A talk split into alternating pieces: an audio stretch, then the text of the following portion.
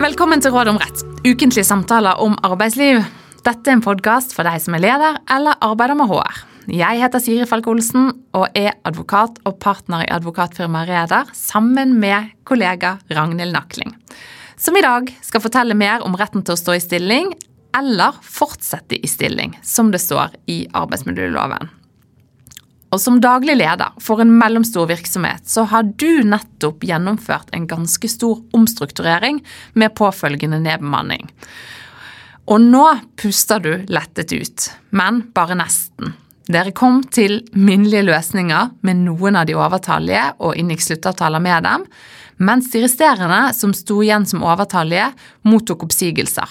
Noen av dem etter å ha takket nei til andre ledige stillinger i virksomheten. Tre av de som ble sagt opp, en vikar, en nyansatt i prøvetid og en som har jobbet hos dere i mange år, har bestridt oppsigelsene. Det ble avholdt forhandlinger, men dere kom heller ikke til noen enighet i disse. Nå har de alle tre tatt ut tre separate stevninger, altså gått til sak, og krever oppsigelsene kjent ugyldige. Du tenker at dette må du bare takle. Du er trygg på prosessen som er gjennomført, og vet at det var saklig grunn for oppsigelsen av de ansatte, og at utvelgelsen er gjennomført på en god måte. Du innrømmer likevel for deg selv at det blir godt når oppsigelsestiden utløper, og du ikke behøver å se de på jobb hver dag. Så kommer administrasjonssjefen din med et innspill. Han tror ikke ikke at de slutter å komme på jobb etter at oppsigelsestiden er utløpt, og sier at disse ansatte har jo rett til å fortsette i stillingen så lenge arbeidsrettssaken ikke er avgjort av domstolene. Uansett om dere skulle komme til en enighet før det avsies dom i saken, vil de fortsatt ha krav på å jobbe fram til dommen kommer, og det gjelder alle de tre ansatte.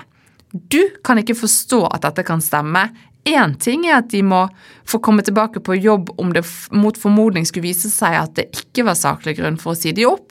Noe helt annet er at de skal komme på jobb og motta lønn hver måned etter at oppsigelsestiden er utløpt, særlig når du mener at dette er riktige avgjørelser. Kan det egentlig være sånn? Ragnhild, hva sier du til denne eh, daglige lederen? Jeg sier at han i hvert fall nok ikke er helt alene om disse tankene sine. I hvert fall ikke blant de utenlandske klientene som kontakter meg og deg, Siri. Men blant norske arbeidsgivere så er det vel ganske kjent at arbeidstakere som bestrider en oppsigelse rettslig, de kan også kreve å stå i stilling, eller fortsette i stilling, som det står i arbeidsmiljøloven, under forhandlinger med arbeidsgiver og helt frem til saken er avgjort av domstolene hvis de går til sak. Ja, det er også min oppfatning at de fleste norske arbeidsgivere er kjent med, med det, dette regelsettet, men, men, altså ikke den daglige lederen i dagens case. Så hvor finner han reglene om dette når han må lese seg litt opp på temaet? De står i arbeidsmiljøloven paragraf 1511, og den bestemmelsen må man lese i sammenheng med paragraf 17-4. Og hovedregelen den er altså at en arbeidstaker som mener at han eller hun er blitt ulovlig oppsagt, og som krever forhandlinger med arbeidsgiver, kan stå i stilling mens forhandlingene pågår. Og hvis eh, forhandlingene avsluttes uten at partene kommer til enighet, så kan man fortsatt stå i stilling, forutsatt at man reiser søksmål innenfor de fristene som arbeidsmiljøloven 17-4 setter, og som vi snakker om i en annen episode. Men kort oppsummert så er de åtte uker hvis man vil ha jobben tilbake, og seks måneder hvis man bare krever erstatning. Og så må man da ha reist søksmål innen utløpet av oppsigelsesfristen som hovedregel. Så det betyr at man faktisk kan kreve å stå i stilling selv om man kun krever erstatning, så lenge søksmålet reises innen utløpet av oppsigelsesfristen og før det har gått eh, seks måneder siden man ble sagt opp. Ja, det kan virke ganske underlig, og jeg måtte se flere ganger, men det er sånn det står i loven. Men det vanligste er jo at man bestrider oppsigelsen, gir beskjed om at man mener at den er ulovlig, går til sak om forhandlingene ikke fører til en enighet, og så både krever å utøve retten til å stå i stilling mens domstolen behandler saken. Og når du snakker om mens domstolene behandler saken, hva tenker du på da, hva mener du egentlig med det? Nei, Det betyr mens arbeidstakers advokat lager og sender stevning, mens arbeidsgivers advokat lager og sender tilsvar, som det heter, mens domstolen avholder planmøte og man forsøker å rettsmekle saken, men hvis man ikke lykkes med en enighet der, så blir det rettssak, hovedforhandling som det kalles i loven, og til slutt så kommer det en dom. Og denne dommen kan jo ankes til lagmannsretten, hvor man i så fall vil gå gjennom en ny runde. Og det du sier er at i hele denne perioden så kan den som er sagt opp, stå i stilling, være på jobb, motta lønn. Det stemmer. Men i oppsigelsestiden snakker man vel ikke om å fortsette eller stå i stilling, for da har jo arbeidstaker uansett en rett til å gjøre det arbeidet han eller hun alltid har gjort, og å få lønn som før. Er du enig i det? Ja, det er riktig, og det gjelder uavhengig av om man har bestridt oppsigelsen eller ikke. Så alle de som ble sagt opp i vårt eksempel, men som da ikke inngikk noen sluttavtale eller ikke har bestridt oppsigelsen, men bare egentlig mottatt den og stilt inn akseptert den, da, de jobber i utgangspunktet ut oppsigelsestiden som normalt. Men hva med de som inn, har inngått sluttavtaler, hva er det annerledes for de? Ja, Det vet vi egentlig ikke så mye om, for det kommer an på hva som står i de avtalene. Men ofte vil de kanskje ikke måtte jobbe, i hvert fall i deler av det som ville vært oppsigelsestiden. Og også disse som har bestridt oppsigelsen, kan jo på et tidspunkt inngå en sluttavtale. Og det er nok det eneste punktet hvor administrasjonssjefen tar litt feil, hvor han sier at hvis du har gått til sak, og så blir man enig etterpå, om at arbeidsforholdet skal avsluttes, da kan du fortsatt stå i stilling. Men det stemmer ikke, for da har man jo blitt enige om at arbeidsforholdet skal opphøre, stevningen er trukket og saken avsluttet. Da står man ikke lenger i stilling. Eh, administrasjonssjefen, som du nå snakker om, han eh, er jo sikker på at retten til å stå i stilling gjelder alle disse tre som ble sagt opp. Han viser til at det gjelder både vikaren, den nyansatte i prøvetid og denne personen som hadde jobbet i mange år. Stemmer egentlig det? Nei, og nå sa jeg i stad at han hadde rett i alt unntatt dette ene som jeg snakket om i stad, men han hadde jo ikke rett i alt, for heller ikke dette stemmer. Det han hadde rett i, var at ansatte som bestrider en oppsigelse i utgangspunktet har rett til å stå i stilling. Men så var han nok ikke kjent med de unntakene som står i arbeidsmiljøloven 1511 tredje ledd. Og hva er disse unntakene? Eh, Jeg antar at det da går på unntak til retten til å stå i stilling? Det stemmer. Unntakene går på at ansatte som er i prøvetid, innleide ansatte eller midlertidige ansatte, sånn som vikarer, og ansatte som er blitt avskjediget, altså de som må gå på dagen, ikke har rett til å stå i stilling hvis de bestrider oppsigelsen. Så i vår sak så er det kun én av de tre oppsagte arbeidstakerne som har en rett til å stå i stilling, og det er den personen som har vært ansatt i mange år. Det stemmer. De andre to, altså eh, vikaren og den som var ansatt i, fortsatt var i prøvetiden sin, de kan absolutt fortsatt bestride oppsigelsen. De kan også gå til sak for å få kjent oppsigelsen ugyldig, men i utgangspunktet så kan de ikke fortsette i stilling mens saken går for domstolene. Og det betyr litt enkelt sagt at de må eh, fratre ved oppsigelsestidens utløp, er ikke det riktig? Det stemmer. Da må de slutte jobben. Men du sier likevel her i utgangspunktet så sier du at prøvetidsansatte, vikarer og for så vidt gjelder også de som er avskjediget, de har i utgangspunktet ikke retten til å stå i stilling. Eh, Hva, hva mener du med det? Hvorfor sier du i utgangspunktet? Er det unntak også her? Det er det. Som så ofte ellers så er det jo også her en hovedregel, og så noen unntak. Fordi ansatte i prøvetid, midlertidig ansatte og de andre jeg nevnte da, tidligere, de kan faktisk be retten om å bestemme at de skal stå i stilling til etter at saken er avgjort. Og hvis de skal gjøre det, så må søksmålsfristene, som vi skal snakke mer om i en annen episode, som sagt, de må være overholdt, men de må også få medhold av domstolene i at de skal fortsette i stilling selv om utgangspunktet er de motsatte. Og det skal jo noe til for at retten skal fravike det som er lovens hovedregel. Men det finnes jo her også et unntak fra utgangspunktet om at fast ansatte som har blitt oppsagt og bestrider oppsigelsen, skal kunne stå i stilling. Sant? Også her kan retten bestemme det motsatte, nemlig at de ikke skal kunne stå i stilling mens saken går for domstolene. Er det en slags parallell her? Ja, en slags motsatt parallell. Ehm, Fordi, og for de som vil lese mer om det, så står reglene om dette i arbeidsmiljøloven 1511, andre og tredje ledd. Fordi om arbeidsgiver krever det, så kan resten også bestemme at en fast ansatt som bestrider oppsigelsen og i utgangspunktet da skal stå i stilling, at personen likevel skal fratre. Og der er det et vilkår, det er at retten finner det urimelig at arbeidsforholdet skal opprettholdes. Og også her så skal det en god del til for å fravike utgangspunktet om at man har rett til å stå i stilling. Ja, men er det noe som du likevel vil si er vanlig? Eh, Har du opplevd det i praksis? Eh, ja, jeg vil i hvert fall si at det er ikke uvanlig at arbeidsgiver ber, at, eh, ber domstolen om at arbeidstaker skal fratre. Og jeg har opplevd det både som advokat og eh, som dommerfullmektig. Som advokat at en eh, oppsagt midlertidig ansatt fikk lov til å stå i stilling, selv om personen ikke hadde rett til det i utgangspunktet. Og som dommerfullmektig besluttet at en oppsagt arbeidstaker som egentlig skulle stå i stilling, ikke fikk lov til det likevel, fordi man, eller jeg da, fant at det var urimelig at hun skulle få lov til det. Og når vil dette urimelighetsvilkåret være oppfylt? Hva slags, hva slags, momenter er det som spiller inn i en sånn vurdering? Det som spiller aller mest inn, er vel at det fremstår som ganske klart for dommeren, selv før saken er gjennomført, og det skal jo da noe til, at det foreligger saklig grunnlag for oppsigelse.